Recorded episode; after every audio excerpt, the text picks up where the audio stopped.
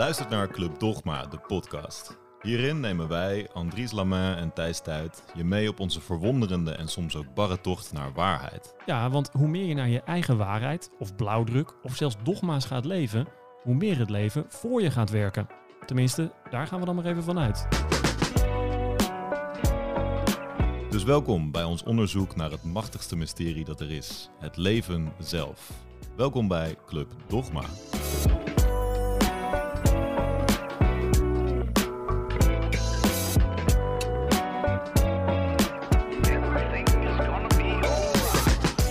Ik dat ik het wel weer een beetje spannend vind.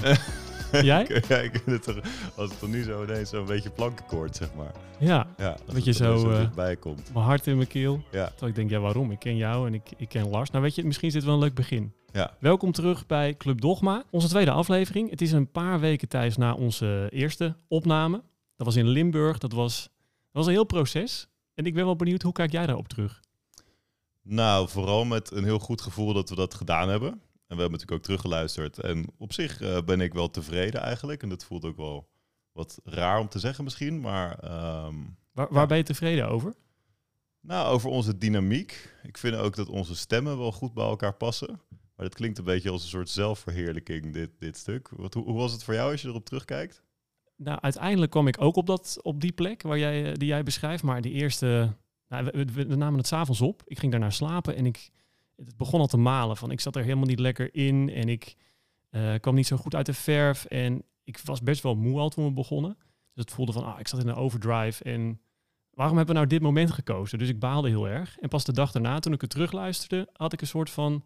Ja, dat wat meer neutrale blik. En toen was ik eigenlijk heel blij dat we het gedaan hadden. En ook met hoe het klonk. Ja.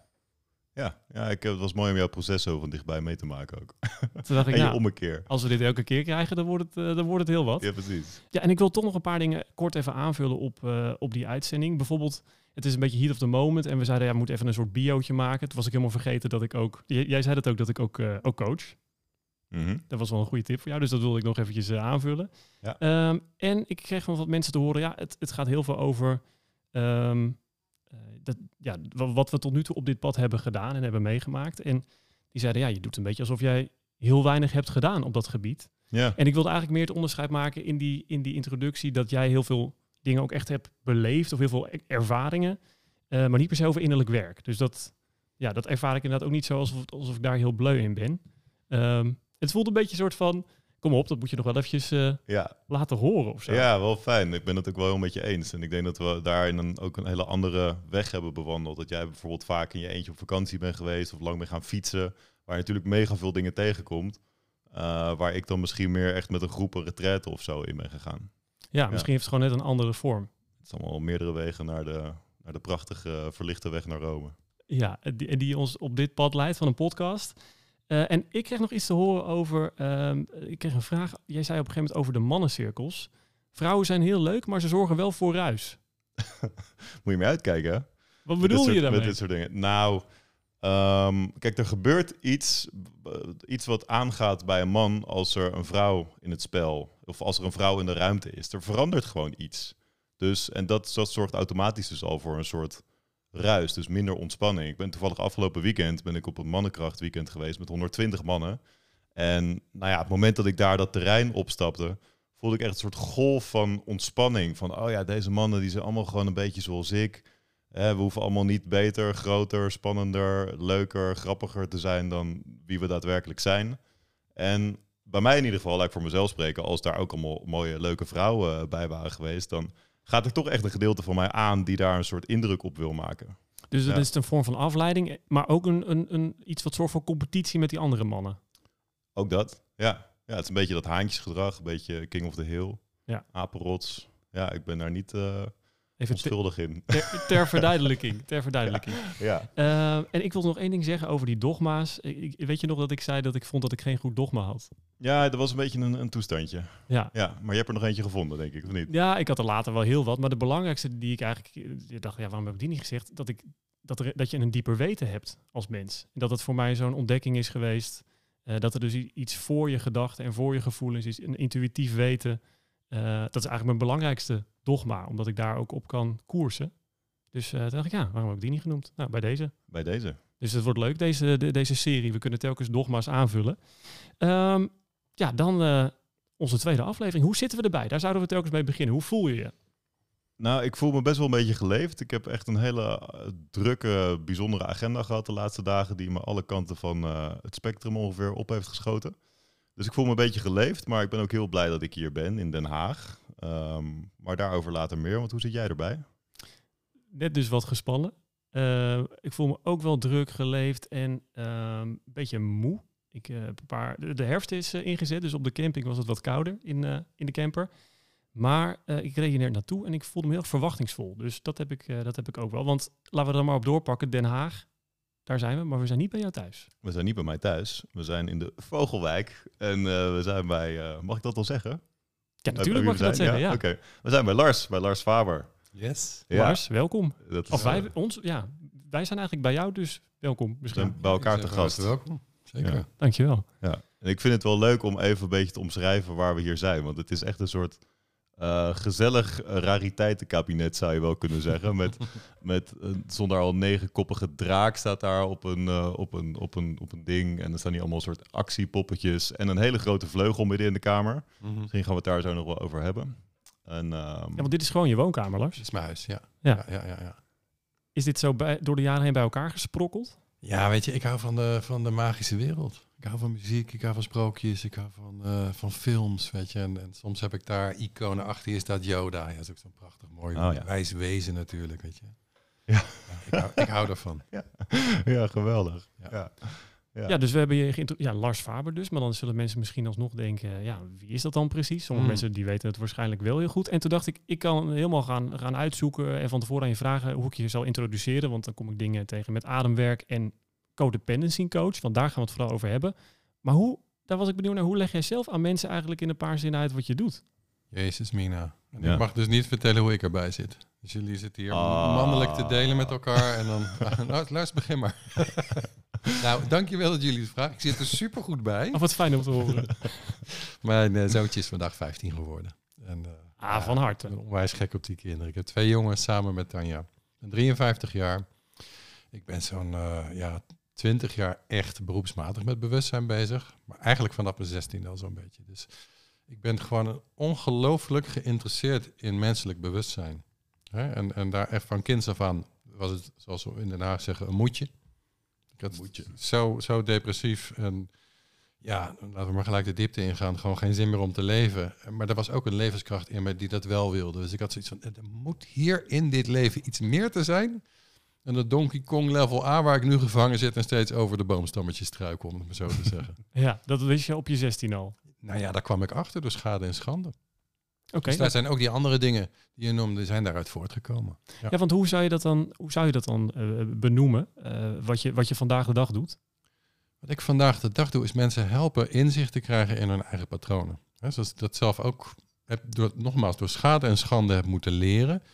Omdat de eerste laag van, van doorzien van in welk spel ben ik terechtgekomen, hoe zijn de spelregels en hoe zit die avatar waar ik hiermee leef, hoe zit die in elkaar? Daar zou je dus eerst zelf inzicht in moeten krijgen en daar help ik mensen mee. Ja. Dat is een van de dingen waar ik mee help. In die avatar, want ik, ik, mijn intentie is ook wel een beetje om mensen die echt hier heel bleu invallen, Ja. toch proberen mee te nemen. Die avatar, je wijst naar jezelf. Ja, ja, ja. gewoon het- de- die huls, de- je lichaam. Nou, ik praat nog steeds in gaming termen. Ik praat nog niet in spiriwiri-taal, ik praat in gaming. Ik heb, ik heb puberzoons, dus ik praat vooral vandaag in gaming termen. En daar heb je een avatar, daar ben je een poppetje in een spel. Ja. Je hebt geen idee wie je bent en je gaat gaandeweg ga je ontdekken wat voor krachten je hebt, wat voor... Hè, kijk maar om je heen naar al die magische items hier. Wat voor magische items je hebt. En je wordt, althans ik, in die puberteit word je onderuit gemaaid door hormonen, maar ook door de wereld om je heen, door je opvoeding, door het gezin van herkomst. Nou, en daar mag je in de loop van je leven mag je daar bewustzijn in krijgen. Wie dan die avatar, wie dat poppetje genaamd Lars of Andries of Thijs, wie dat is. Ja. En daar help ik mensen een beetje mee op hun levenspad. En daar gaan wij dan misschien vandaag ook weer wat, wat meer achter komen. Voordat we het, eh, het onderwerp induiken, wat vooral over codependency dus zal gaan. Ja. Ehm, ja, wij heten Club Dogma. We hebben in de vorige aflevering onze dogma's onderzocht en besproken. En eh, wij wilden dat eigenlijk ook wel van jou weten. Heb jij, heb jij dogma's of wat zijn je dogma's? Je dacht, voor deze podcast gaan we bij de grootste dogmatische denkers van Nederland op bezoek. Precies. Laten we maar precies. beginnen. Ja, precies. Laten we maar met de grootste beginnen.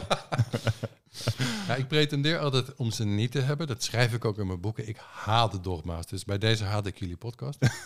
Nou, dat is een goed begin. Behalve als we hem gebruiken om onze dogma's eh, te onderzoeken. Want daar zijn ze denk ik voor. En sommige dogma's die zijn ook gewoon goed. Sommige hebben we afscheid van genomen.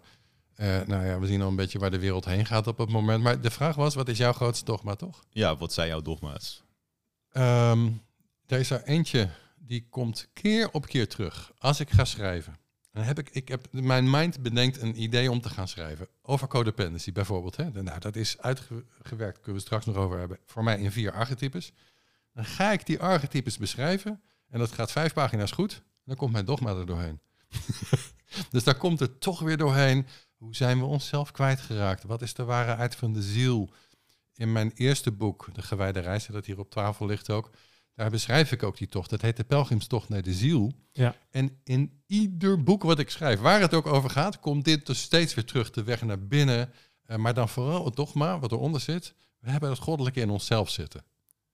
Dat is, dat is mijn grootste dogma. Ik kan het nog niet verwerpen. Dus Mm. misschien na vandaag. Ja, maar daar is in ieder geval mijn hele levenswerk op gebaseerd. Van hoe vind je bezieling? Hoe vind je het goddelijke in jezelf? En, en waarom zou je het willen verwerpen? Want je zegt net, sommige dogma's zijn misschien wel goed, maar Ja. veel dienen ons ook niet. Maar dit, dit Ja. is toch wel een... Nee, ik, ik zeg het een beetje gekscherend. Dit is, dit is in ieder geval iets waar ik zelf door alle innerlijke werk en door alle shit doorploeteren steeds weer op uitkom. Van ik heb het in mezelf te zoeken en in de verbinding met anderen. Dat is, dat is eigenlijk gewoon een soort basis eh, van, van mijn werk en mijn levenshouding geworden. Ja, Dus en dat is zie je dus dogma. overal in terug. Dit, ja, nogmaals, ik kan geen boek schrijven of iets in mij neemt over. En dan komt Christus er weer bij, dan komt de Rumi er weer bij, dan komen de oude geschriften, noem maar op alle... Dan gaat de Er koffie komt de koffiemachine erbij. De koffiemachine komt erbij. Je mag ook meedoen. Hè, maar dat, dat, dat vind ik dus wel grappig aan mezelf. Maar voor de schrijver in mij die zegt: Kom, we gaan nu eens een ander boek schrijven. Het wordt er gewoon letterlijk overgenomen. Dus ik zie dat een soort. Een rode draad. Een rode draad. En dat vind ik ook grappig. En ik geef me daar ook aan over. Want die, die kant in mij die schrijft, die schrijft ook echt oprecht mooiere dingen dan dat ik ze kan bedenken. Nou ja, wat dat betreft, dat, dat bevestigt dus het dogma al. Ja. En eh, wij hebben het de vorige keer ook gehad over dogma's die we van vroeger hadden. Mhm. Ehm, eh, heb je daar toevallig nog eentje van? Geef waar- eens een voorbeeld wat je daarmee bedoelt. Nou, bijvoorbeeld hadden we het over de rol van de man. Je had daar een, een, eh, mooi voorbeeld bij eh, toen. Over, Nou ja, dus dat een man eh, moet betalen, dat een man eh, moet rijden, dat een man, Ja. zeg maar dit soort, dit soort. Oh, daar hele- geloof ik ook eh, heel erg in. Ja, dat, ja, dat weet ik. Ja, absoluut, Ja. absoluut. Ik heb wel eens bij jou in de auto met ik heb tegenwoordig ook die, eh, die, die verklikker, die app, die, eh, hoe heet die ook alweer? Dus uh, Flitsmeister. Ja, Dus ik Flitsmeister, kon, ja, ik ja. kon er flink hard rijden. Ja, Maar ik geloof zeker in de klassieke rollen. Ik geloof eh, met, met Tanja ook, we hebben gewoon een hele klassieke rolverdeling in ons gezin. En het werkt gewoon hartstikke goed. We voelen er ons allebei op zijn Haags, Indisch, Senang bij. mhm. En op het moment dat we van die rollen afwijken, dan gaat onze relatie schuiven. Als hij weer te veel naar het mannelijke gaat bijvoorbeeld, hè, dan, dan, dan neemt mijn aantrekking af. En als ik, als ik te veel in, in andere kanten ga, dan, dit is een heel interessant spel om ermee te spelen. Dus niet dogmatisch, Mhm. maar wel van, zo werkt het het beste. En zo werkt het in jullie geval ook het beste. Of In je, ons geval, en daar zit dan mijn dogmatisch denken, ook in gezinnen. Hè, daar, daar, daar maak ik ook zelf YouTube-filmpjes over. Hebben jullie wel eens gezien, denk ik. Hè? Dus, dus ook over de rol van de moeder. De rol van de moeder is ongelooflijk belangrijk. De eerste twee jaar, dus dat is en een dogma. Of niet de eerste twee jaar, zeg maar, de eerste jaren. Maar voor de vorming van de hersens is het belangrijk dat mama bij het kindje is. Dag en nacht. En dat kindje, als het uitreikt, dat gezicht van mama ziet, het herkent, zich veilig voelt, spiegelt, maar op. Dus daar zou je kunnen zeggen, dit is een, een dogma eh, gestaafd op de eh, evolutionaire psychologie. ja, waar, waar sommige mensen eh, in de maatschappij waar we nu in leven misschien niet zo blij mee zijn als je dat zegt. Absoluut niet. Er Nee. zullen mensen die zullen me nu achter het behang willen plakken, want Ja. die kunnen hun hypotheek niet betalen. Zeker niet als die energierekeningen zo omhoog gaan als ze dat nu gaan. En die kunnen zeggen, Lars, wat, eh, je, je praat me nu schuld aan, want ik kan dat niet. Het is Dus niet heb- realistisch. Het is niet realistisch, maar daar heb ik dan weer compassie voor. Ik kan zeggen van wat rot voor je dat het jou niet lukt. Maar de natuur schrijft ons eigenlijk voor om het wel te doen. In ieder geval als mens. Ja, en gelukkig kunnen die kinderen dan straks weer bij jou in de ademcoachopleiding Absoluut. of zo hun eh, jeugdtrauma's helen. Van dat ze de hele week op het kinderdag, op het kinderdagverblijf zijn Ja, opgesloten. er zit een heel goed Ja. verdienmodel achter. Ja, precies. Het complete pakket. Ja, nee, maar ik zeg Ja. het echt met, met, met pijn in mijn hart. Ja, nee, ik, tuurlijk. dat, dat heb je net al gehoord. Ik geef ongelooflijk veel om mijn eigen kindjes. Ik zie Ja. er hier eentje buiten op straat. Ik ben echt gek op kinderen. Weet je, kinderen zijn gewoon letterlijk onze toekomst. En aan het moment dat je dus al niet veilig hecht, daar gaat mijn werk over. Hè, en je gaat ze dus eh, in, een, in een opvang stoppen met een vreemde, met nog 15 kinderen. Of weet ik hoeveel eens zo'n opvangmedewerker ervoor moet zorgen. Kindjes raken onveilig gehecht. En dat is absoluut de basis van waar ik mee werk.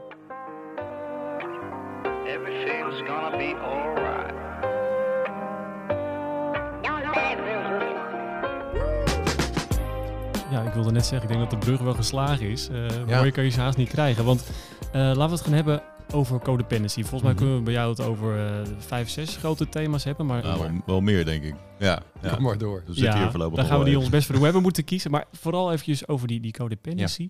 Eh, ik denk toch de allereerste vraag voor mensen die dat woord nooit gehoord hebben. Wat, wat zeg je dan eigenlijk? Wat is, wat is dat? Nou, ik heb het op een, mijn eigen manier ge- gedefinieerd. Eh, en dat is dus geen vaststaand dogma of, of definitie, maar do- in mijn eigen proces. Ik merkte op een gegeven moment dat mijn eigen waarde, dus mijn verlangen naar liefde en gezien en veilig zijn, dat ik dat liet afhangen van de waardering van anderen.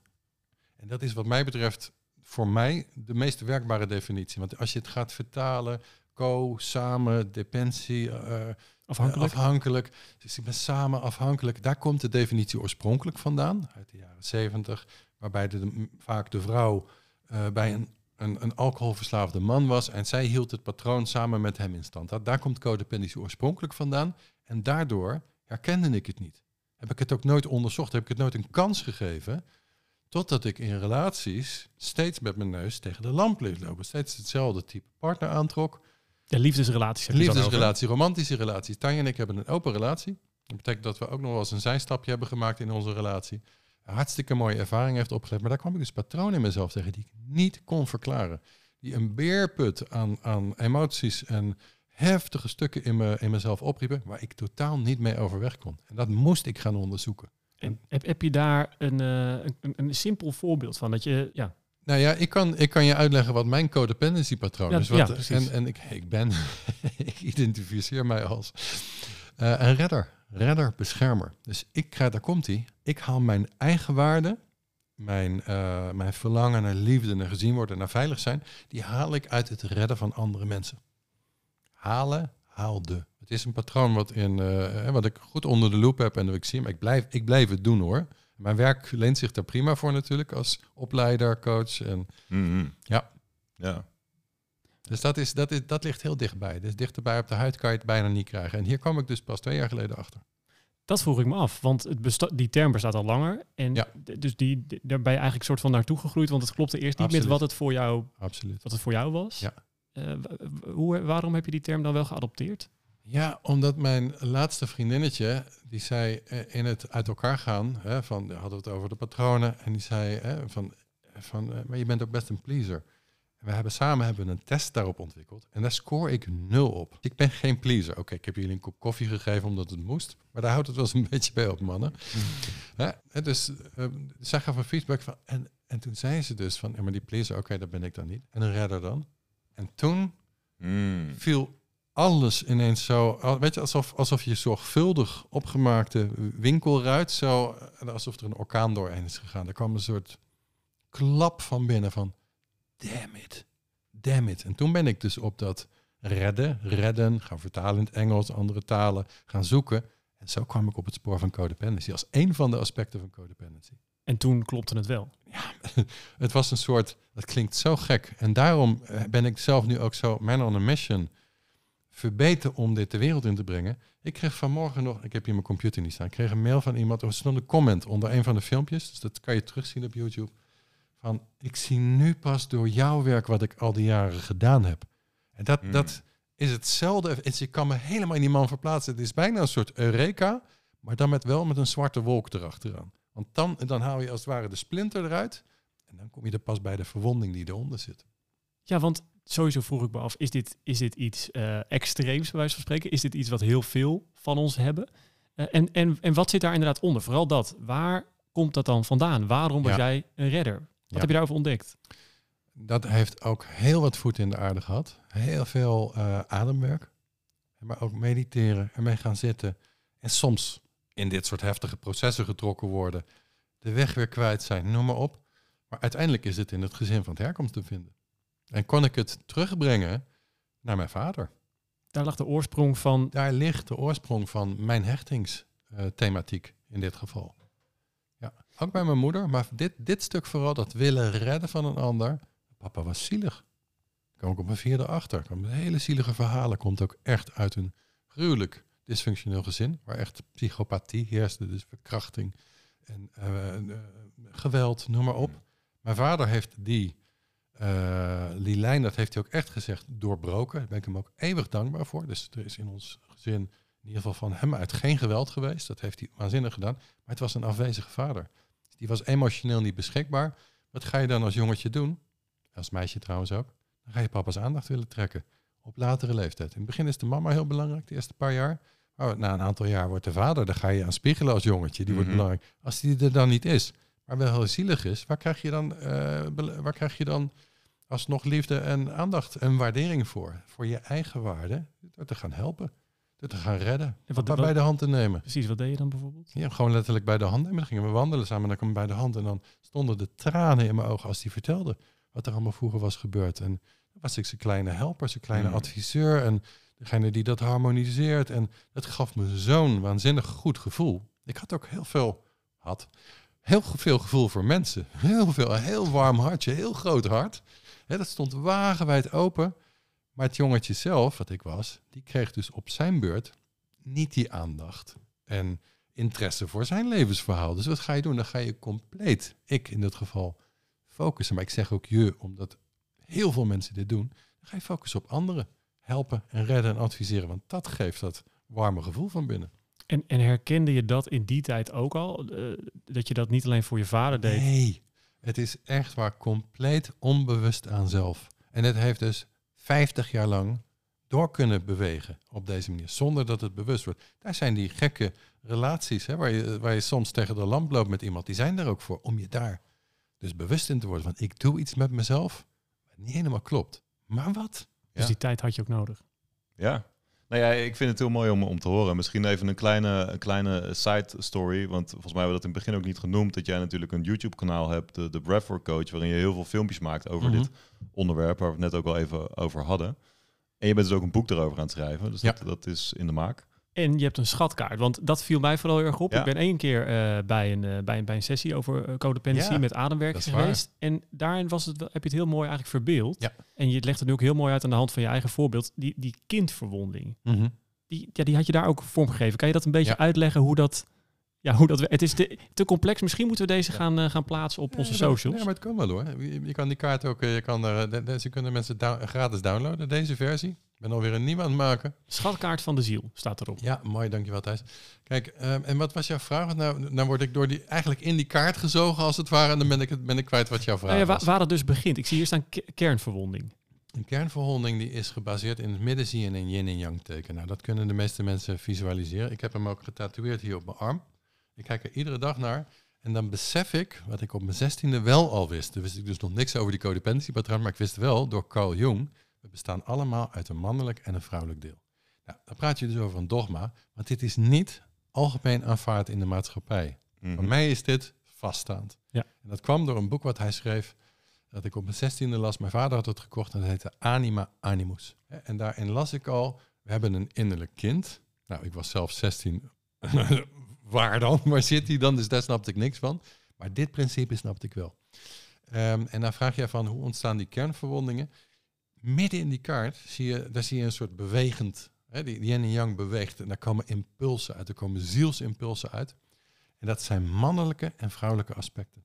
Dus in het begin, die eerste twee jaar, laten we zeggen 18 maanden tot twee jaar, heb je vooral vrouwelijke behoeften en heb je ook vrouwelijke bedding nodig. Vandaar dat ik er straks ook zei, de mama is ongelooflijk belangrijk. Dat kunnen ook dus nu bijvoorbeeld ehm, neurowetenschappers, die tonen dat aan. Hè. Dus dat in de eerste jaar met name, komt door de spiegeling met mama, door naar te kijken, naar de ogen te zien, zien dat ze veilig is, zien dat ze voor je zorgt, word je in je vrouwelijke behoefte aan voeding, aan warmte, aan zachtheid, aan eh, geborgenheid, aan spelen. Mama gaat spelen met je, gaat liedjes. Oh, je bent de leukste, liefste, fijnste baby ter wereld. Ja.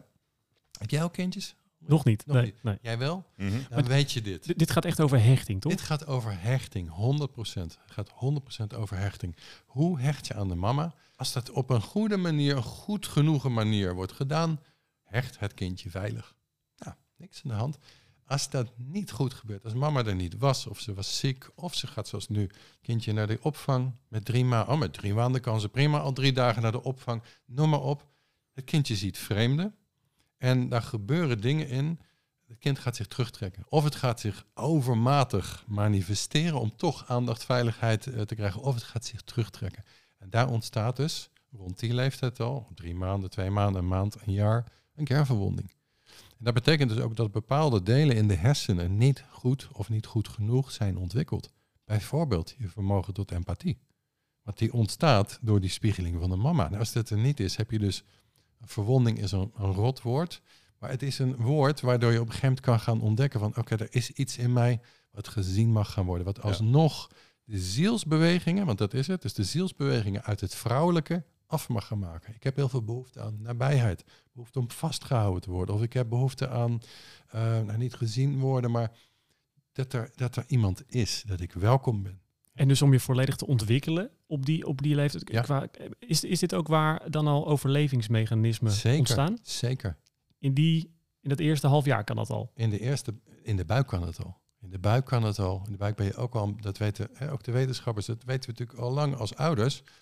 Hè, in, in de Afrikaanse dorpen zijn ze niet voor niks maanden van tevoren al met het halve dorp om je heen aan het zingen. Zodat dat zieltje hoort, voelt en merkt door de hormonen van de mama, ik ben hier welkom. Het woordje welkom, je zou het ook een welkomsverwonding kunnen noemen, als dat wat beter klinkt. Ja, ja, precies. Ben ik hier Even- welkom? Even een tussendoorvraag, hè? want je hebt het nu al een paar keer over de ziel en een zielsbeweging. En Ja. een zieltje hier, een zieltje daar. Ja. Wat is een ziel wat jou betreft? Ik had zelf Even een kleine vraag hoor Lars. Ja, even een klein vraagje. Kleine tussendoor. vraag. Ja, vanuit de kunnen van zoveel hoeken aanvliegen, maar het is het levengevende principe. Het is wat jou eh, en, en jou en mij levend maakt. Hè, het komt tot je aan het moment dat je verwekt wordt. Sommigen zeggen ook wat later, aan het moment dat er bepaalde aspecten van je lichaam ontwikkeld zijn.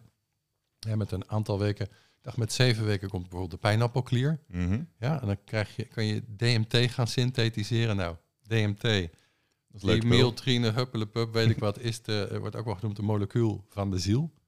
Dan, dan, dan kan het zomaar zijn, als deze hypothese klopt, dat de ziel dan binnenkomt. Als, Mm. dan al, als we Mm. er iets bij moeten voorstellen, want we kunnen bijna hier niet meer met woorden over praten, is het Nee. levengevende, bezielende principe. Ja, vandaar dat ik dat yin en yang teken hier zo mooi vind. Het is vrij neutraal en het laat toch zien, het is een mannetje en een vrouwtje. Kijk maar hoe je verwekt bent. Ja, dus een eitje en een zaadje, die hoorden bij een papa en een mannen, mama. Mannelijk, vrouwelijk. We hebben daar in de maatschappij op dit moment geloof ik wat discussie over. Maar wat mij betreft, daar komt weer een dogma van Lars. Wat jezus Mina, wat een dogmatische man. Ik ben eens aan het vinken. Nee, maar dat Ja, vinken. Ja. Hè, wat Ja, mij echt- betreft, past een goed in papa- deze een podcast papa hoor. en een mama, of, of twee mama's en een, en een donor, maar dan zit er nog steeds een mannelijke en vrouwelijke wat merged. Daar, daar gebeurt iets magisch, er gaat iets groeien en dan ontstaat er een bezield wezen. Mhm. Ik zou wat dat betreft iedereen ook aanraden om deze schatkaart even op te zoeken. Want dan kan je het Ja, helemaal het zien. in zijn geheel zien. Ja. Laten we dat nu niet helemaal gaan uitweiden. Maar waar ik dan wel nieuwsgierig naar ben, als je eh, dus uiteindelijk erachter komt, zoals jij, na heel veel jaar, dat het dus eh, met, met, met de codependency te maken heeft. Ja. Kan je voorstellen dat mensen dan misschien denken, oh, is er iets mis met mij? Ja. Ja. En is dat ook zo? Zeker.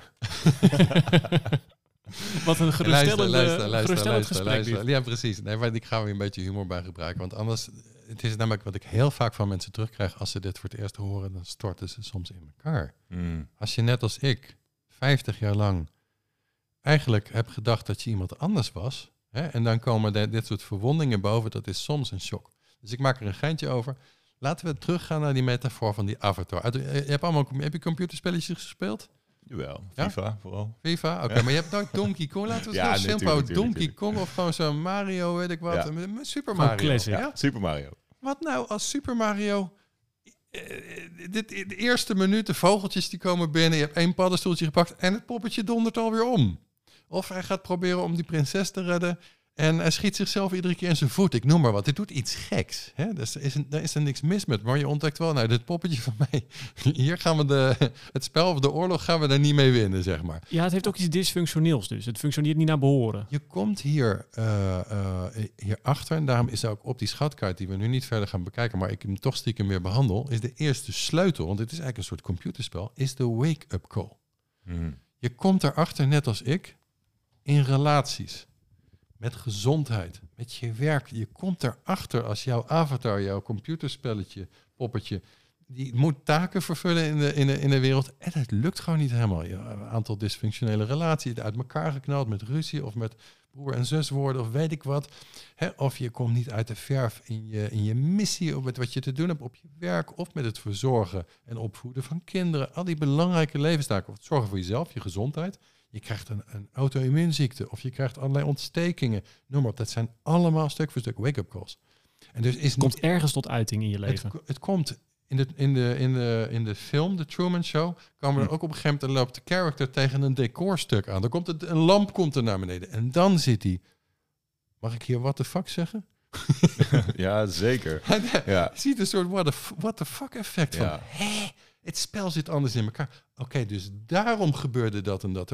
Vandaar dat ik zei, er kwam in mij een soort avalanche, een soort, hoe noem je zo'n ding in het Nederlands? Een Een, een, eh, ja, lawine. Precies. Er kwam Ja. een lawine aan inzichten van, oh, dus daarom die gezondheid issues. Want als je codependent bent, heb je bijna altijd, niet altijd, maar ook gezondheidsissues. Kan je ook nog wel uitleggen waarom, maar dat is misschien Nou, wel een het ander topic. Ik vind het interessant dat je zegt dat het een lawine is in plaats van een openbaring. Want dat, dat, vertaalt een beetje dat het ook wel iets, iets overweldigends Het heeft. heeft zeker een overweldigend effect. En daar maak ik ook al die filmpjes om die mensen die dit zien eh, een hart onder de riem te van je bent niet gek. Het is ook de Mm. titel van een boek. is niet van mij. You're not crazy, you're codependent. Ja, en je komt er gewoon achter van, oké, dus daarom klamp ik me wanhopig vast in relaties en een ander. Of oh, waarom, daarom heb ik juist bindingsangst en duw ik iedereen bij me weg als ze in de buurt komen. Het heeft vooral op de liefde te maken, maar het, het, het vertakt zich Ja, door tuurlijk. je hele leven. Ja. ja, want er zijn een, eh, je hebt vier archetypes ontwikkeld. Hè? Misschien is dat nu wel een mooi... eh, Ja, zeker. En nog één vraag daarvoor. Ja. Hoe weet je of je codependent bent? Als je genoeg decorstukken op je pad hebt gehad. Oké. Hè? En, en, en, eh, en- en je gaat op een gegeven moment identificeren. Er gaat er een rode draad in zien. Je moet er vaak wat ouder in zijn. Dus dat zie ik ook bij de mensen die dit kijken. Waar ik berichtjes van krijg van... Hey, ik heb nou drie relaties achter de rug. Damn it, had ik dit maar eerder geweten. Lars, waarom heb je dit 25 jaar geleden niet geschreven of wat dan ook? Dat soort berichten krijg ik heel veel. Het zijn vaak mensen tussen de 25 en de 50 ergens. En ouder ook hoor. Er zijn ook mensen, dat vind ik zo mooi. Eh, mensen van 71, 72 jaar krijg ik ook berichtjes van van jeetje, Hm. dat ik dit nog op mijn leeftijd mee mag maken. Weet je, dat ik nu snap wat er aan de hand was. Ja. Dus ja. Ja goed, je hebt dus eh, codependency, is best wel een breed begrip natuurlijk. Dus Ja. dat heb je eigenlijk gedifferentieerd in Ja. een paar archetypes. Ja. Is het leuk om die even kort te behandelen? Dat mensen zich misschien daarin al dan niet in kunnen herkennen... en dan een lawine van ellende over zich heen kunnen krijgen? Of, eh Het moet maar. Een poep maar, hè? ja. moet maar. Kijk, laten we, laten we, laat ik daar dus iets van geschiedenis over vertellen. Dus ik ben 20 jaar geleden al begonnen met de eerste decorstukken, depressie, noem maar op. Maar toen had ik dus nog niet door dat er dingen onder zitten van codependentie. Daar wist ik nog niks van. Dat weet ik echt pas een paar jaar. Maar wel al die kennis die ik daarvoor had, die kwam met die lawine ineens naar boven van... "Ah, Ik ben al jaren met de hechtingstheorieën bezig, hè, van John Bowlby en hoe, hoe kindjes hechten en wat daaruit voort kan komen. Dus bij mij viel dus niet alleen die avalanche, dus die lawine, maar ook al die inzichten. Ik ben er nog veel meer over gaan lezen dan ik al deed. Dus ik heb er echt een flinke studie van gemaakt. En op een gegeven moment ging ik daar dus van die studie rode draden in zien. Dus ik heb dan zo'n redder in me. Nou, dat, er zijn nog meer mensen die dat doen. En die gaan dan of redden, of beschermen, of adviseren, of harmoniseren. Meestal één van deze vier. Oftewel pleasen. Hè? Andere, andere voorop zetten. Dat doet iedereen op zijn eigen manier. Ik, dat doe het om, ik word de grote redder, beschermer. Heel veel mannen doen dit ook, hè? het redden. Dat zijn de brandweermannen, we zijn de, de, Hmm. ja. de agenten, Ja, de, noem maar op. Is er een meest voorkomend archetype? Nou, deze, eh, dit, is de, mm, dit is de meest voorkomende. En, en bij vrouwen gaat het dan meer richting zorgen en adviseren. Ja, dus al in, helemaal, helemaal in de ander verdwijnen. Hmm. Dus ik heb geen eigen behoeftes. Jouw behoeften zijn belangrijk, want dan voel ik me fijn. Want dan kan ik voor je zorgen en je een goed advies geven, een goed woordje voor je over. Dit zie je heel veel bij vrouwen, ook bij mannen. Dus en alle genders die ertussen zitten. Dus Ja. dit is ook weer universeel. Daarom is het ook een archetype. Een archetype is iets wat algemeen voorkomt. En het betekent eigenlijk gewoon, ik heb te weinig aandacht gehad. En Te weinig waardering gehad vroeger thuis. Dus moest ik gaan helpen. En dan word je in het archetype, in het codependency mode, dan word je een helperholic. Dan raak je Helpaholic. beslaafd aan helpen, adviseren en beschermen en redden. En welke hebben we dan nog meer? Dan heb je nog een, een, eh, een, een type eh, die ik ook vrij hoog in mezelf vertegenwoordigd heb. Zeg ik met schaamrood op mijn kaken. Dat is het type wat in de kindertijd te weinig, dat woordje gebruik ik erbij, consistente aandacht heeft gehad. Als je te weinig consistente aandacht van de belangrijke mensen in je leven hebt gehad, hè, dus eh, voor alles. Net zoals vanmorgen, hè, Joshua is jarig. Nou, je bent hier in mijn huis. Tanja woont 300 meter verderop. Ik ga de avond van tevoren daar logeren. Want ik wil dat mannetje gewoon zijn cadeau. Dat vertelde Mm. ik aan jou dus straks wel thuis. Ik heb een super gave Casio gek sporthorloge voor hem gekocht. Waar hij helemaal gek... Oh, papa, weet je. Daar, daar voelt hij dus in alles, in zijn hele wezen... En papa houdt van mij. Er is geen, geen vezel die dat denkt... ambivalent wordt en denkt... "Hè, houdt hij nou wel echt van me? Mm. Dus ik heb aandacht voor hem. Ja, voor de duidelijkheid, dus niet doordat je dat cadeau geeft. Nee. Dat je er al bent, Doordat ik er ben. Maar ook door dat cadeau. Doordat ik me inleef in zijn wereld. in wat hij wil. wat hij graag wil, wat voor hem belangrijk is, krijgt hij in dit geval dus op zijn vijftiende. Hè, maar in iedere leeftijdsfase heb je zo'n behoefte aan gezien worden, erkend worden in je sporten. Bram Vermeulen, die schreef zo'n liedje, Papa kijk nou. Nou, dit, dit gaat Mm. 100% over de love addict. En mama speelt hier ook een belangrijke rol in. Hè? Papa op latere leeftijd, als je zo richting puberteit gaat, dan wordt papa echt heel belangrijk. Maar vroeger, dit- vroeger is het vooral, het is in de begintijd is het vooral de mama's die consistent aanwezig is. Consistentie is niet constant, maar gewoon voldoende goede moeder, voldoende op je, eh, met je meeleeft, meebeweegt, je ziet en je erkent in wie je bent als mens. Dan groei je dus op met een gezonde kern. Heeft dat ook te maken met soort betrouwbaarheid in dat die aandacht er is? Dat, Dat je is weet het. dat het, Dat is het dat woord. het beschikbaar is? betrouwbaarheid, dus het zinnetje wat hierbij hoort uit de hechtingstheorie, is als ik je nodig heb, ben je er dan. Ja, Ja. ja. Als dat betrouwbaar genoeg is. Want in de ontwikkelingsfase, ik weet niet of we daar nu heel diep op in moeten gaan, maar in de ontwikkelingsfase gaat een goed genoegen moeder niet alleen maar de hele tijd erbij zijn. Want dan krijg je weer verstikking. Dan krijg je weer een heel ander karakter. Die heb ik niet ontwikkeld in de. Hè, maar dan, dan word je. Ja, dan krijg je niet zo'n sterk karakter. Als mama er altijd voor je is en alles voor je doet. En Mm. hier is je jasje. Oh, vergeet je alsjeblieft je mutsje niet. Op een gegeven moment moet je dat gewoon zelf gaan ontdekken. En met je neus tegen de lamp lopen, dan krijg je resilience, krijg je veerkracht als Ja. mens.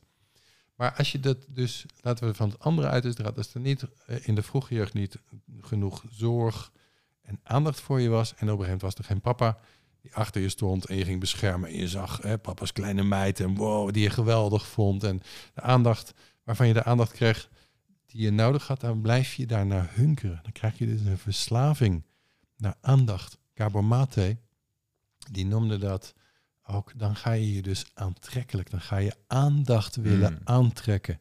Wat jij er straks al zei hè, in jouw introductie over die mannen. Waarom worden we haantjes? Ja, we willen aantrekkelijk zijn voor het andere geslacht. En dat is normaal, dat is biologie. Dat is normaal, maar je Ja. kan er dus een soort eh, extreme hang naar hebben. Je kan daarin doorslaan als je dus zo'n verwond innerlijk kind, dat heb je op die schatkaart helemaal in het midden gezien, dus zo'n kindje, als dat te weinig aandacht en licht heeft gehad, dan blijft dat innerlijk kind hunkeren naar aandacht. En dat gaat hij op alle plekken, inclusief de verkeerde, zoeken. Ik wilde even tot jou winnen, Thijs, want wij- eh, Lars heeft ook een test hè, hiervoor Ja, ik wou er net over beginnen. Ja. Oh ja, nou, Ja. maar heel eventjes dan, welke, welke herken jij het meest in? Welke archetype? Nou ja, we hebben het dus nu gehad over de helperholic en de love addict. Die herken ik sowieso allebei. Ehm, maar dan gaan we zo nog door naar de control freak en de victim, geloof ik. Hè? En ik ben een typische zevenleerling al mijn hele leven. Dus ik, her- ik herken ze allemaal eh, enigszins. Ja, precies. En, eh, dus ik zit volgens mij met allemaal een beetje tussen de 40 en de 70 procent of zo. Want je kunt dan uitslaan op een bepaalde eh, score, op een bepaald, bepaald archetype. Geen uitschieter. Geen, eh, niet, nou, niet, niet, een, niet echt een uitschieter. Maar ik kan me dus ook in alle vier, kan ik me wel echt deels eh, stukjes echt van, van herkennen, ja. Ja. En dat is eh, wel, eh, wel voe- voedsel voor een spoedopname. daarom ben ik ook hier. ik ga ook niet meer weg. Eh, en jij dan, eh, Dries? Ja, ik had dus wel een uitschieter bij die Love Addict. Daarom moest ik er ook aan denken. En ik Mm. herkende die ook Ik volledig. zag je ogen net ook al gaan. Toen ik het aan het vertellen was, zag ik ze van, oh, oh ja, oh ja. Oh en het ja. heeft ook iets lekkers. Want ik begin ook zo van, ja, ja maar dat, dat, dat, dat ben ik en dat heb ik. Maar ik, ik, ik weet ook niet of ik daar echt vanaf wil. Maar dus het is ook iets hardnekkigs. Ja, maar voordat we dus, en dit, dit- hier heb ik in de filmpjes natuurlijk altijd wat meer tijd voor, voordat we mensen en jezelf gaan bestempelen, het zijn kernkwaliteiten. Ja. Het zijn kwaliteiten die te ver zijn doorgeschoten. Leg eens uit. In dit Eh, geval. nou, een kernkwaliteit, even, even kort, de kernkwaliteit is van Daniel Hofman. Dat is iets wat je van nature dus als archetype in je hebt, waarvan iedereen zegt, nou dat kan jij goed. En jij denkt, nou, eh, appeltje, eitje. En als je daar dus in doorschiet, door, door, door eh, tekort in dit geval voor de love addict aan aandacht, schiet je door naar jezelf leuk maken. En sierlijk en gracieus en aantrekkelijk voor het andere geslacht. Want daar wil je die aandacht van. Hè? Daar wil je steeds die aandacht van. En dan wordt het een verslaving. En dan raak je dus verslaafd, niet aan liefde, dat lijkt love addict, maar je raakt er verslaafd aan dopamine. Iedere keer als ze dan, hè, ik heb dit meegemaakt, ik moest zo lachen toen jullie het vertelden. We, we hadden in Drenthe destijds een retreatcenter met een mannenretreat, twaalf mannen. En daar komt een van de begeleiders die niet weet dat er mannenwerk is, komt met haar dochter binnen op de hakjes, bloedje mooi. En je ziet die hele groep, zie je. Ja, je kan mijn gezicht nu niet zien, maar nou, ze- de, de, hè, je kan je er iets bij voorstellen. En die hele sfeer in die mannengroep was gebroken op dat moment. Dus ja.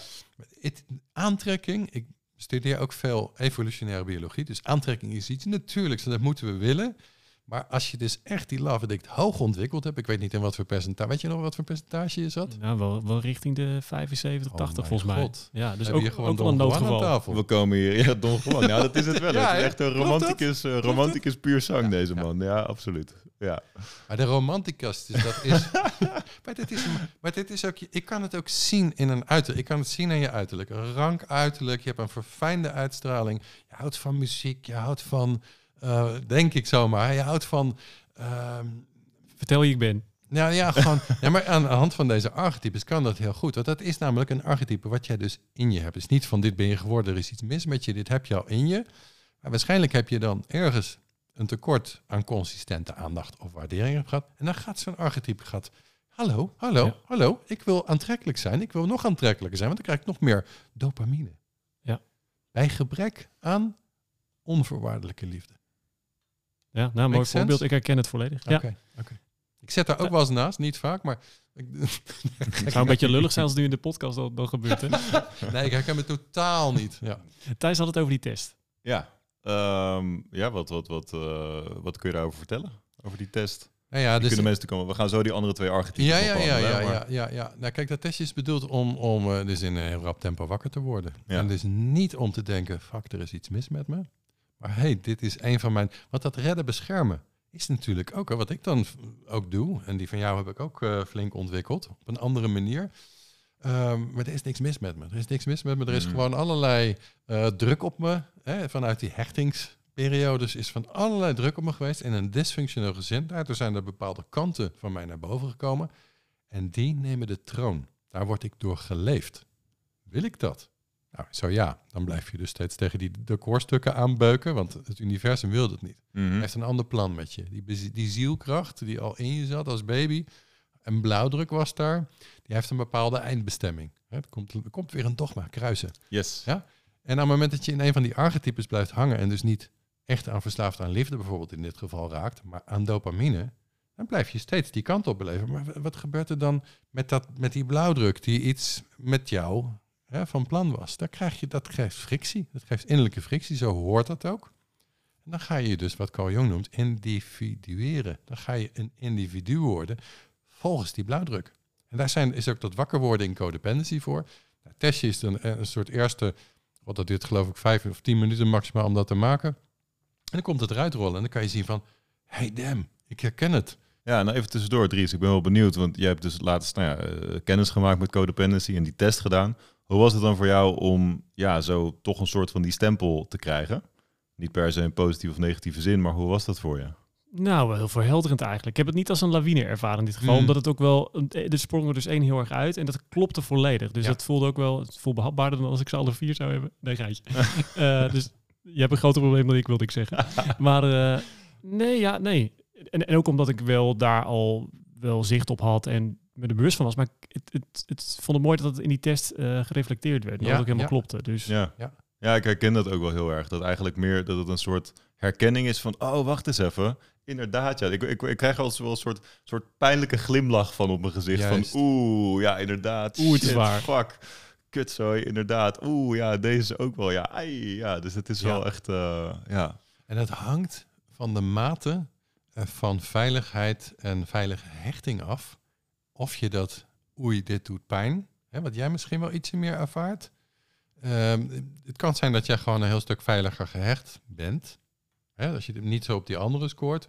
Maar dat dit aspect, bijvoorbeeld van de vader of de moeder, die je gewoon niet kon zien in, in een bepaalde fase, dat, dat komt dan daar even ietsje uitvergroot uit. Waardoor je niet ervaart van, oh mijn god, mijn hele leven ligt overhoop. Zo. Mm. Nee, maar eh, om dan toch wel wat dieper op in te gaan dat je dat vraagt. Ik had, dat heeft me wel wekenlang heel erg bezig gehouden. Dat ik, ook al wist ik het ergens wel, Ja. ik dacht, ah, shit, het klopt echt op alles. Op al, op al die Ah, relaties. ja, ja.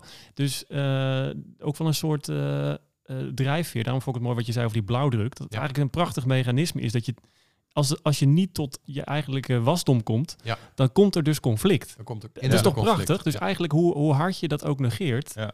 het komt toch ergens op een bepaalde manier wel naar boven. Want blauwdruk is ook weer eigenlijk een soort ziel waar je het over hebt, toch? Het is, dat- dat is de, de- ja, je DNA, de, Ja. de- de- of, Ja. of je genen, of de groeikracht, of die daar doorheen komt. En je, nee, net Precies. als die boom hier buiten tot een boom uit laat groeien. Net Ja. als er in iedere kastanje al een volledige boom zit. Ze zit er in, zat en zit er in jou die volledige mens. Precies. Maar je komt er vooral eh, in relaties achter. Hè, dat zou je misschien ook wel hebben ervaren. Want jouw archetype, die heeft namelijk aan de ene kant eh, verlatingsangst.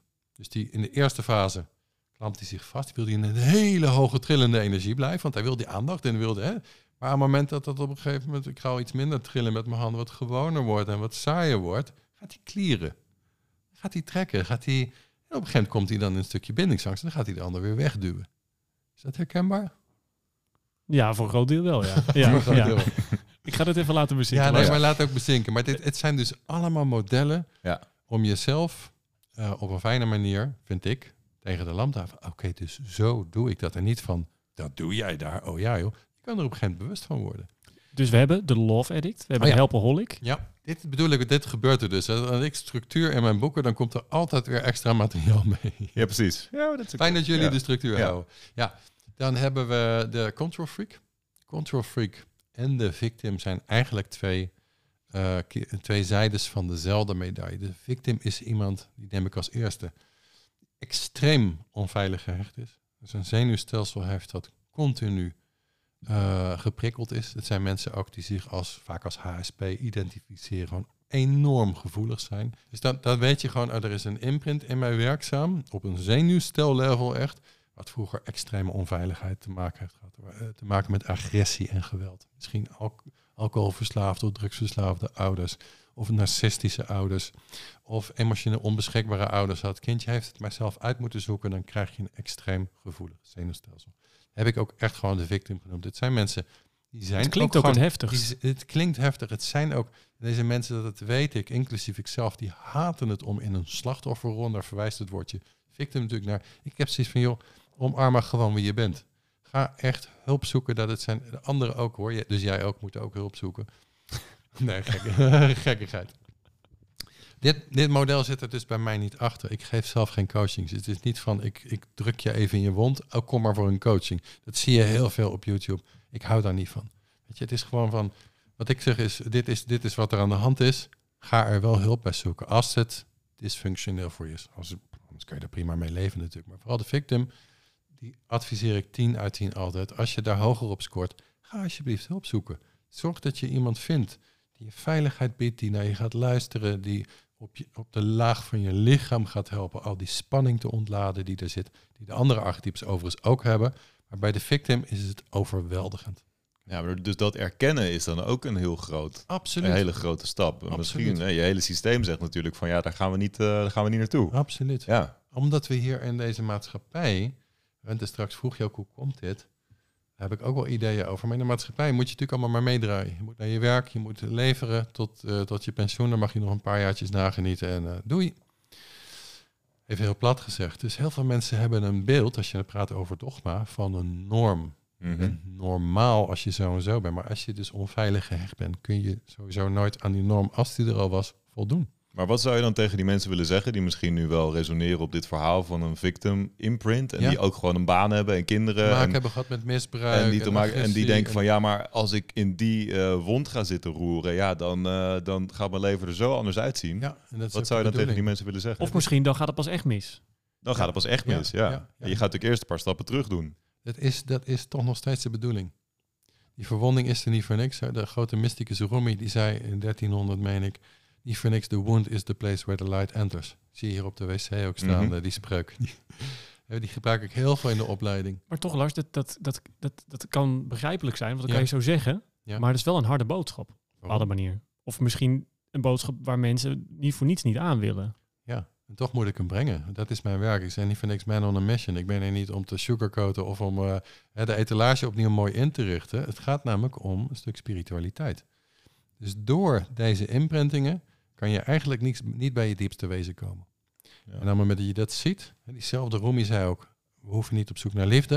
We moeten kijken waar de liefde geblokkeerd wordt. Dus dit soort archetypes, als je er te veel in geactiveerd bent, dan voorkomen ze dat je bij je diepste wezen komt. En dit is wat mij betreft waar dit leven over gaat. Dat je bij je diepste, diepste wezen komt. En wat natuurlijk ook nog daarbij hoort, is dat je als je het zelf niet verwerkt, dan geef je het automatisch door aan je kinderen, zou je kunnen zeggen. Hoeft niet, maar dat kan. Maar in ieder geval, je, je, je, eh, hoe je gedraagt, dat geeft natuurlijk sowieso over aan je kinderen. ja, dat kan, dat kan. Maar heel veel mensen met deze, eh, laten we ze, anders krijg je een soort, bijna een soort eh, victim blaming. Heel veel van deze mensen kunnen juist fantastische ouders zijn Mm. door wat ze zelf hebben meegemaakt. Ja, Maar ze lopen vroeger of later tegen de lamp, want een zenuwstelsel wat zo, en ik dus ook, hè. Ik ben, ook, ik ben chronisch ziek, ik heb een chronische eh, ziekte in mijn lijf zitten.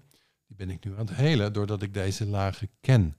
Als je dat niet weet, word je ook chronisch ziek en dan denk je, oké, ik ga maar naar een dokter, want ik heb een auto-immuunziekte of ik heb een, eh, mijn adem, ik heb astma, mijn ademhaling zit hoog. Het lichaam gaat vanzelf. Hetzelfde Gabor Mate, die ik er straks noemde, heeft een boek geschreven, When the Body Says No. Mhm. Het lichaam gaat op een gegeven moment, niet als je 20 bent, vaak niet als je 30 bent, maar als je wat ouder wordt, gaat het vanzelf nee zeggen. En ook hierbij zullen er mensen zijn, ik merk dat zelf ook een beetje, dat Ja. ik denk, oké, je bent je lichaam aan het helen. Ja, Dat klinkt ook weer heel mooi, maar hoe doe je dat dan? dus deze kernverwondingen, die zitten in het lichaam. Ja, want deze kernverwondingen, dus bij gebrek aan veilige hechting, en we zijn nog bij de victim imprint, hè. ik hou Mhm. jullie even aan de structuur. Dankjewel. Uh, die victim imprint die is extreem onveilig opgegroeid. Wat gebeurt er als je extreem angstig bent? Wat doe je dan? Verkrampen? Ja, verkrampt. Precies, Ja. precies het woord. Je verkrampt uit angst.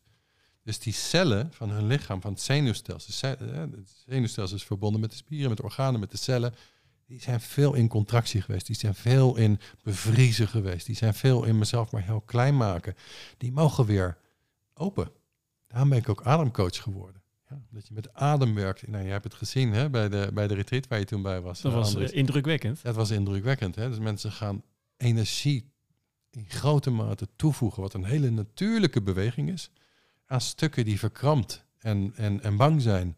En dan gaan alsnog die emoties, die zielsbewegingen die niet afgemaakt zijn. Emoties zijn zielsbewegingen. Zielsbewegingen die destijds niet af hebben gemaakt kunnen worden. Boosheid, verdriet, angst, extreme extase, noem maar op. Die ga je allemaal alsnog af kunnen maken. En een soort losmaken dus, van iets losmaken. wat, wat, wat Ja, gestold is. Vrijmaken. Ja, afmaken dus. Afmaken. Ja. mooi. Ja.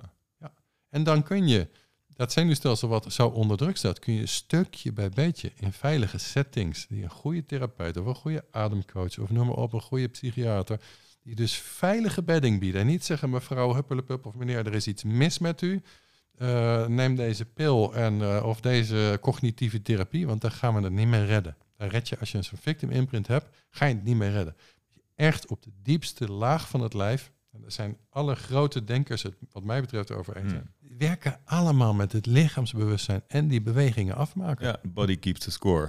The body keeps the score. Ja. Ja. We moeten, ook een, eh, we moeten ook iets gaan aanleggen met tegeltjes met one-liners, voel ik al. Want eh, die zitten er genoeg in. We hebben er nog één. Nog één archetype. Ja. Oh ja? Oh ja. Eh, oh ja. de, de control freak. Ik zei al, dat is de keerzijde van dezelfde medaille. Dus de- er zijn vaak mensen, niet allemaal hoor. Het kan ook op een andere manier ontstaan. Dus de archetypes kunnen... Het- het zijn eh, hele grove beelden van iets super complex mens zijn. Ja, maar het is meer om dingen te kunnen herkennen. Die control-freak is vaak een victim geweest. En hij heeft op een bepaalde leeftijd gezegd, oh ja joh, nu heb ik niemand meer nodig. Dat is, een, dat is ook echt een statement die erbij hoort. Ik kan het vanaf nu zelf wel. Ik heb jouw liefde niet meer nodig. Dus als je het archetype erbij ziet, dat zijn ook brrr, mensen die zich opblazen, die de borstkas opblazen.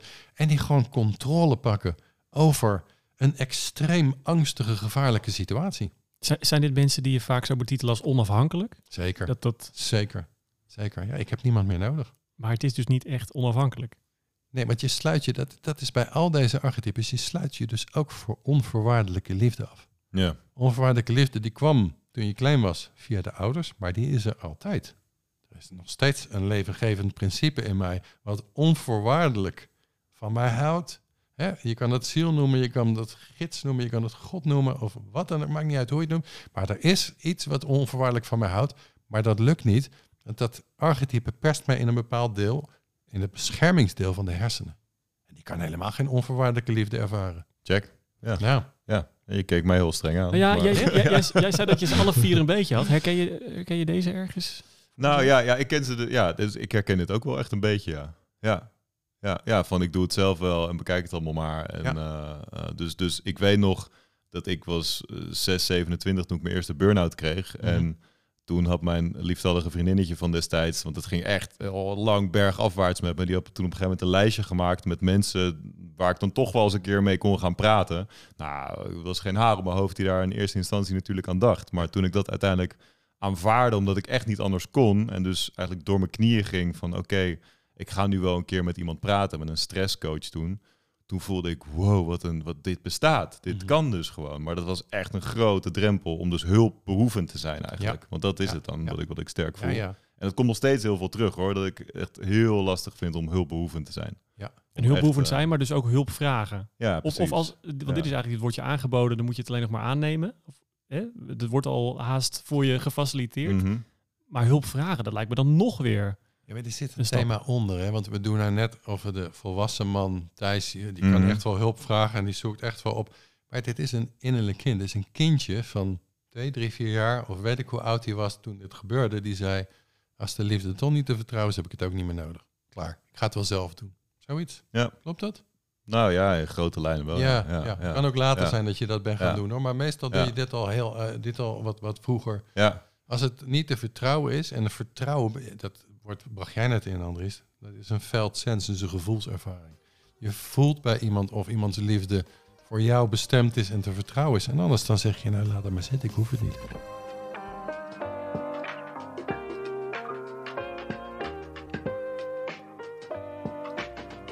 Lars, waar we het nog niet echt heel veel over gehad hebben... en wat wel veel raakvlakken heeft, als ik jouw YouTube-kanaal mag geloven... eh, met codependency, is narcisme. Ja.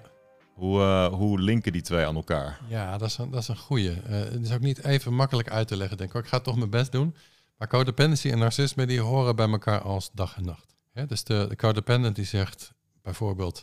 eh, hoe kan ik zo leuk mogelijk zijn? Geef me alsjeblieft aandacht. Of hoe kan ik zo lief en behulpzaam en beschermend en harmoniserend mogelijk zijn? Want dan zie je mij en dan krijg ik liefde van je. Ja, dat is de boodschap die de. Ik heb hier magneten liggen. En wat de narcist dus zegt, die zegt... Ik heb jouw bewondering nodig. Ik heb jouw hulp nodig. Kom maar hier. En dan klik. Magnetisch op elkaar. En dat is dus een van de decorstukken waar ik dus straks over sprak, waar je tegenaan gaat botsen.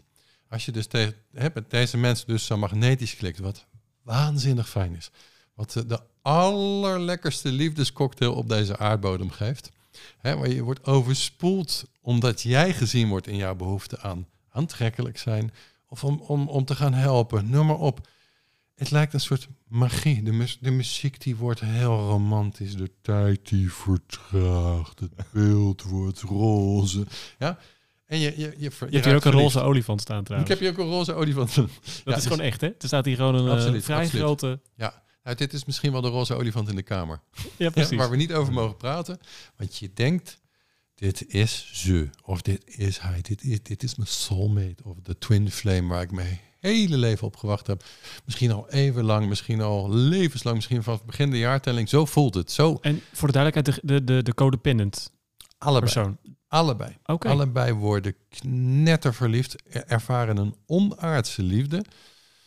En uiteindelijk zijn ze een drama, en dat noem ik verborgen script, eh, zijn ze een drama van vroeger aan het herleven samen. En dat Woundmates. Woundmates. Ja, zo- dat is een goed woord Ik heb goed opgelet bij je filmpjes. Juist, Ja, juist, ja. juist. Ja, maar dat ervaar je niet zo, omdat het zo lekker voelt. En de natuur en de biologie is aan het werk. Want het is natuurlijk ook nog een aantrekkelijke partner voor je, want anders val je hier niet op. Dus je hele biologie heeft ook al ja, ja, ja we gaan eh, procreation eh, samen, we gaan de liefde bedrijven. Ja. En, en hoe kom je in zo'n eh, roze, fantastische, romantische setting dan zo'n decorstuk tegen?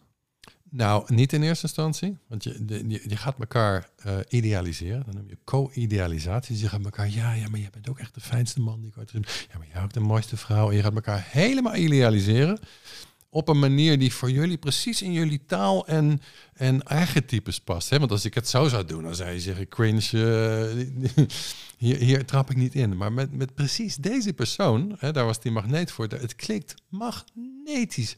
Ach, we houden allebei van Bach. Ben jij ook op Kreta geweest? Je gaat, die, die, die fase heet SAM, samen. Hè? Dus, dus, dat, ehm, identificatie heet die. Dus we, we identificeren ons als elkaar.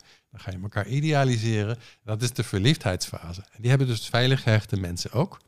Alleen, ja, dus die gaan elkaar echt niet zo ophemelen. ik, ik, wil, ik wil net zeggen, ik begin, begin alweer helemaal te zwijmelen. Maar Ja, ja maar dat, dat is dus het verschil. Dus, dus dat er, dat er, je hebt een soort extreme verliefdheid en een Ja. soort normale verliefdheid Ja, of zo. ja, Of, of hoe ja. moet ik dan... Ik vind het heel ingewikkeld namelijk deze, want ik, ik ben best wel een beetje verliefd. Dus Ja. dan vind ik het ook heel eh, lastig om dan ja, daar helder in te blijven voelen. En dan moet, heb ik ook steeds jouw stem af en toe dan in mijn hoofd van... Ja, ben ik nou, ben ik nou aan het lovebomben, zeg maar? Hè? Ben ik nou... eh, of ben ik nu gewoon mijn waardering aan het uitspreken? En ja, we hebben geweldige seks. En, eh, of is dit dan te geweldige seks? ben ik daar Of- dan ook aanwezig in, in je hoofd? ja, constant. Nee.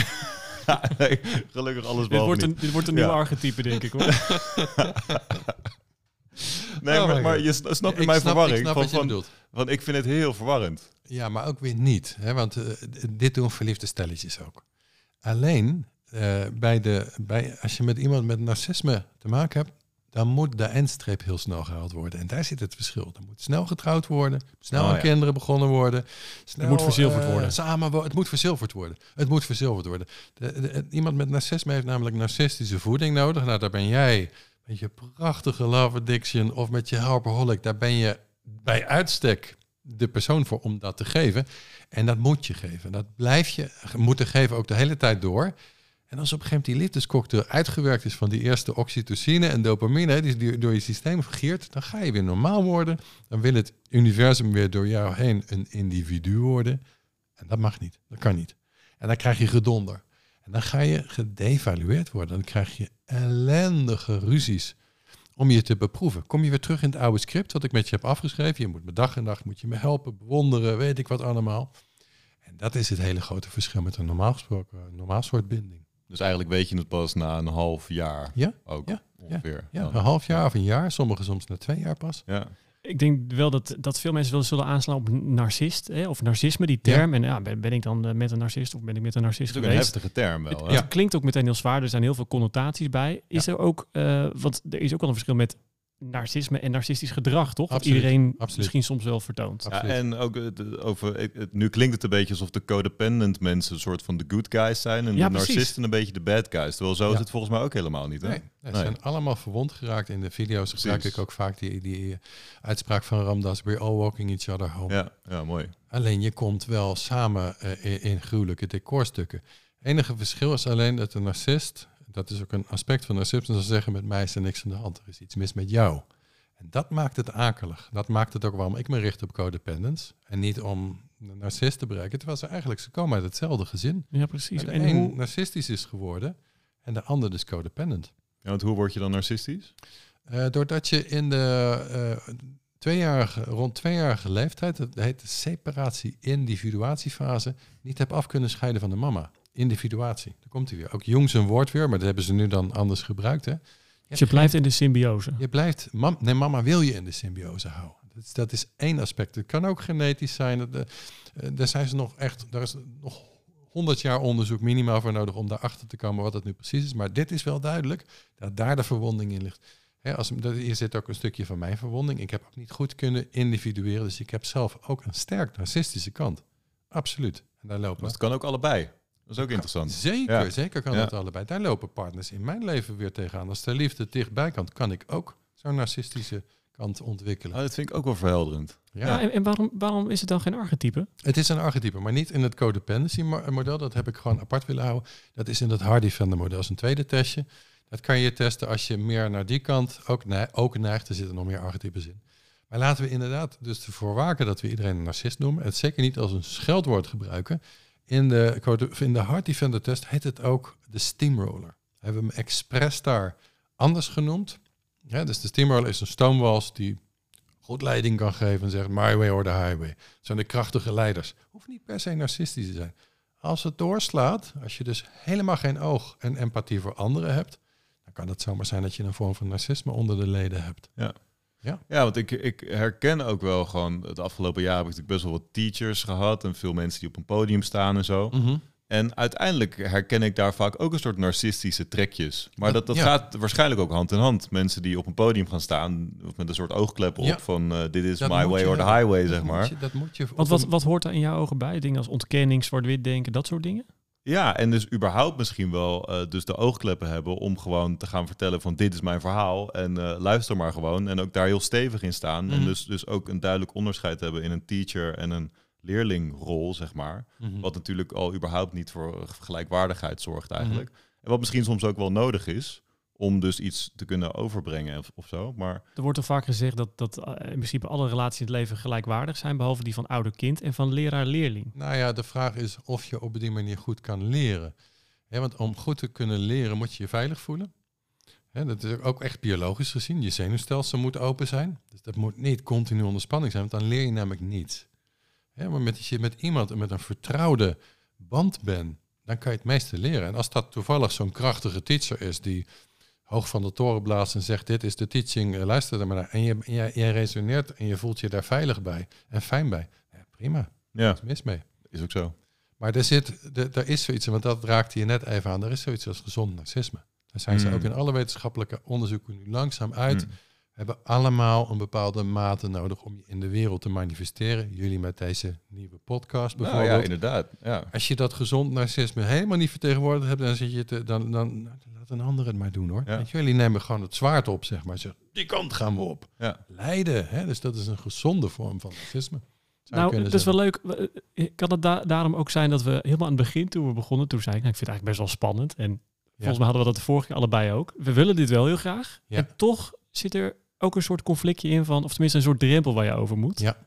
Heeft het dan ook daarmee te maken dat iets in je wel heel erg dat, dat, dat wil manifesteren, Ja. maar misschien een oude stem die zegt, nou, eh Ja, maar dat, dat, dat kan van alles zijn. Dus mensen die, daar hebben we het er straks niet over gehad. Hè. We hebben het over de vrouwelijke kernverwonding gehad. Man, mensen die in de mannelijke kernverwonding geraakt zijn, of die die hebben, die vinden het vaak moeilijk om zich te manifesteren. Want dat is bij uitstek het mannelijke. Hè. Dus het naar Mm. buiten treden, het eh, jezelf laten zien. En dat wordt gek genoeg door de maatschappij vaak als narcisme bestempeld. Je noemt hem wel de koning van de apenrots, de grote die zich oplaat. Maar dat, dat is wat mij betreft, eh, narcisme is iets wat in relaties plaatsvindt. Ja, en natuurlijk zijn er ook mensen die zich op de borst kloppen en door iedereen gezien willen worden. Ja, dat, dat, dat kan een vorm van narcisme zijn. Maar jezelf manifesteren in de wereld is, daar heb ik zelf ook heel goed naar moeten kijken in mezelf. Welke delen zijn er narcistisch? En wat is gewoon een gezonde manier eh, dat ik hier met jullie over spreek? Ook het leven wil zich door mij manifesteren. Die wil dat wat ik heb geleerd Ja, verlangen. aan anderen overbrengen. Zo, dat zit een oerverlangen in om te groeien, om te bewegen, noem maar op. En daar ook in gezien te worden. Want dat is echt voor mij ook een diep verlangen. Dat andere mensen zeggen, echt waar, wat gaaf joh. Dat voelt mij absoluut. Mm. En daar, daar heb ik heel lang bij gedacht, maar wacht even, ben ik dan zelf narcistisch?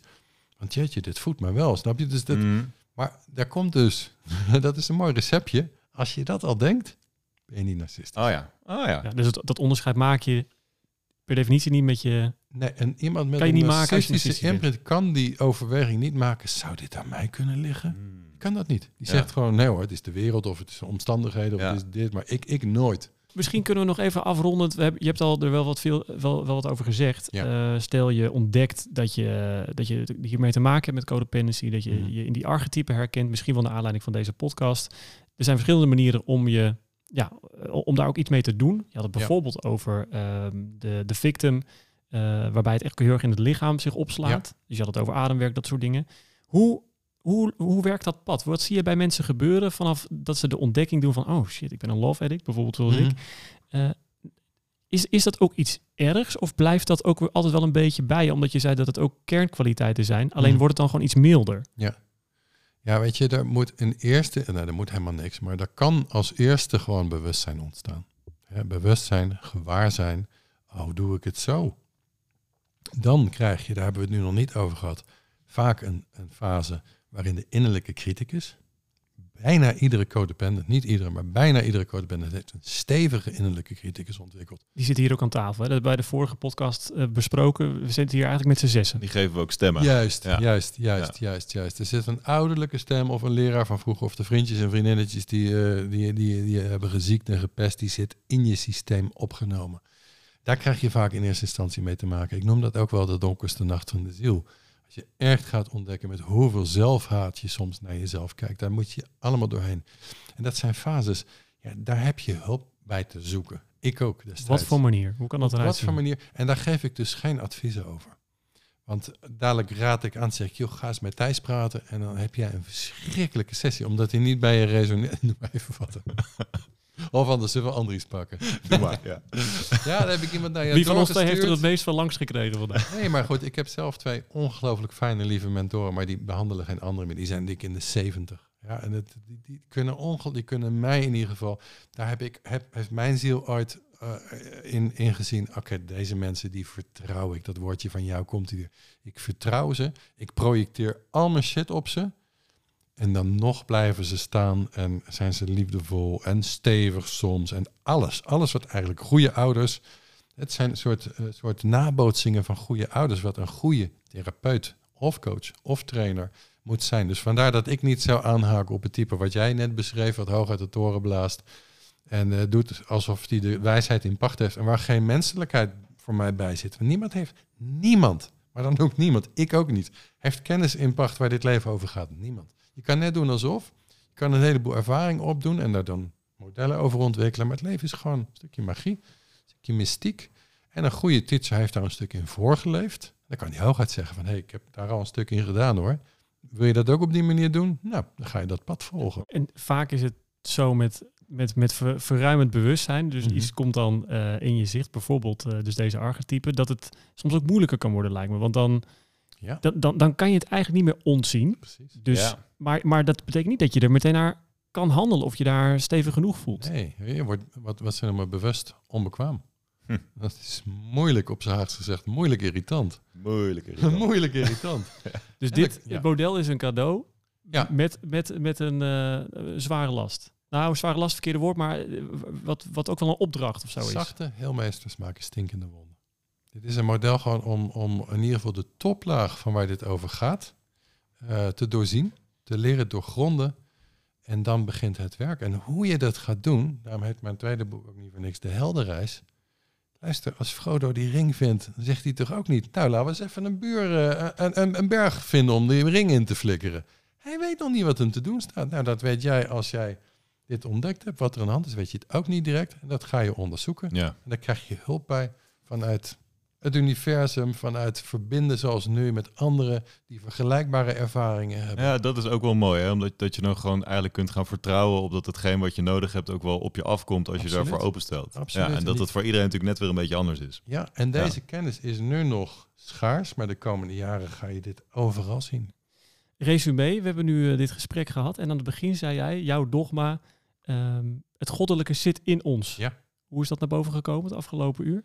Ik heb nu vooral laten zien op basis van die quote van Rumi dat we dus niet te zoeken hebben naar de liefde, maar vooral waar de liefde blokkeert. Dus die archetypes waar we het net over hadden, die blokkeren eigenlijk de stroom van liefde. Het is ook liefde, het is ook eh, kernkwaliteiten, maar als ze dus te veel van het goede worden, ja, dan gaan ze onze goddelijke stroom en het verbinding daarmee ook blokkeren. Door die contracties van vroeger, door de angst.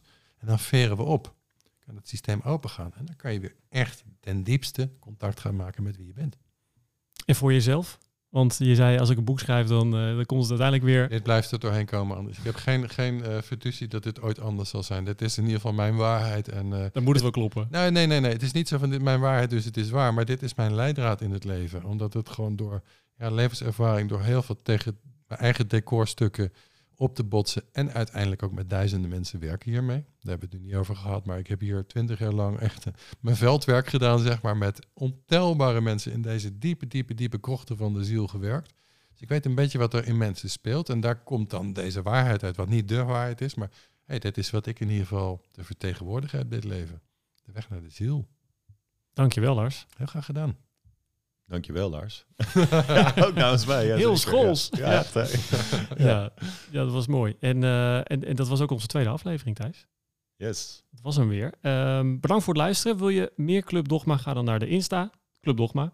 En eh, daar kan je dus ons ook vinden op Insta. Thijs Tijd, Andries Lamen. Maar belangrijker nog, abonneer je even op ons in de favoriete podcast app. En dan zijn we er. En moeten we ook nog zeggen waar eh, Lars dan te vinden is? Ja, natuurlijk. Ja. Nou, Lars, waar, waar ben jij allemaal te vinden? Meeselaan in Den Haag. Ja, precies. Staan Allemaal voor de deur staan. Morgen allemaal voor de deur. Ja.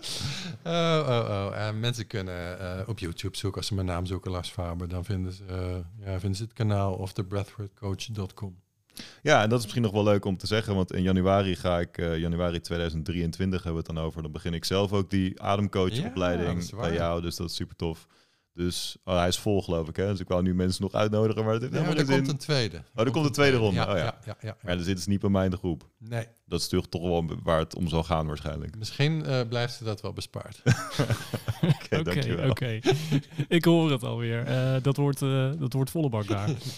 En Zo- ik wil nog één dingetje zeggen hoor, over Lars. Want Lars heeft ook heel veel boeken geschreven. Hmm. Waar kun, want volgens mij zijn een heleboel ook eh, online te vinden. Op de breathworkcoach.com, eh, daar gaat mijn eh, fijne eh, communicatieman, die gaat ze daar binnenkort op plaatsen. Oké, Ja. tof. Dus als je dit hoort, staan ze daar naar alle waarschijnlijkheid erop.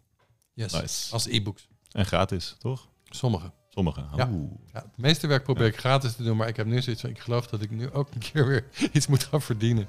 Oké, dankjewel. We zijn er dus eh, zo snel mogelijk weer. En eh, voor nu, bedankt voor het luisteren. Heb je nog een leuke Haagse groet? Eh, de ballen. Later! Later.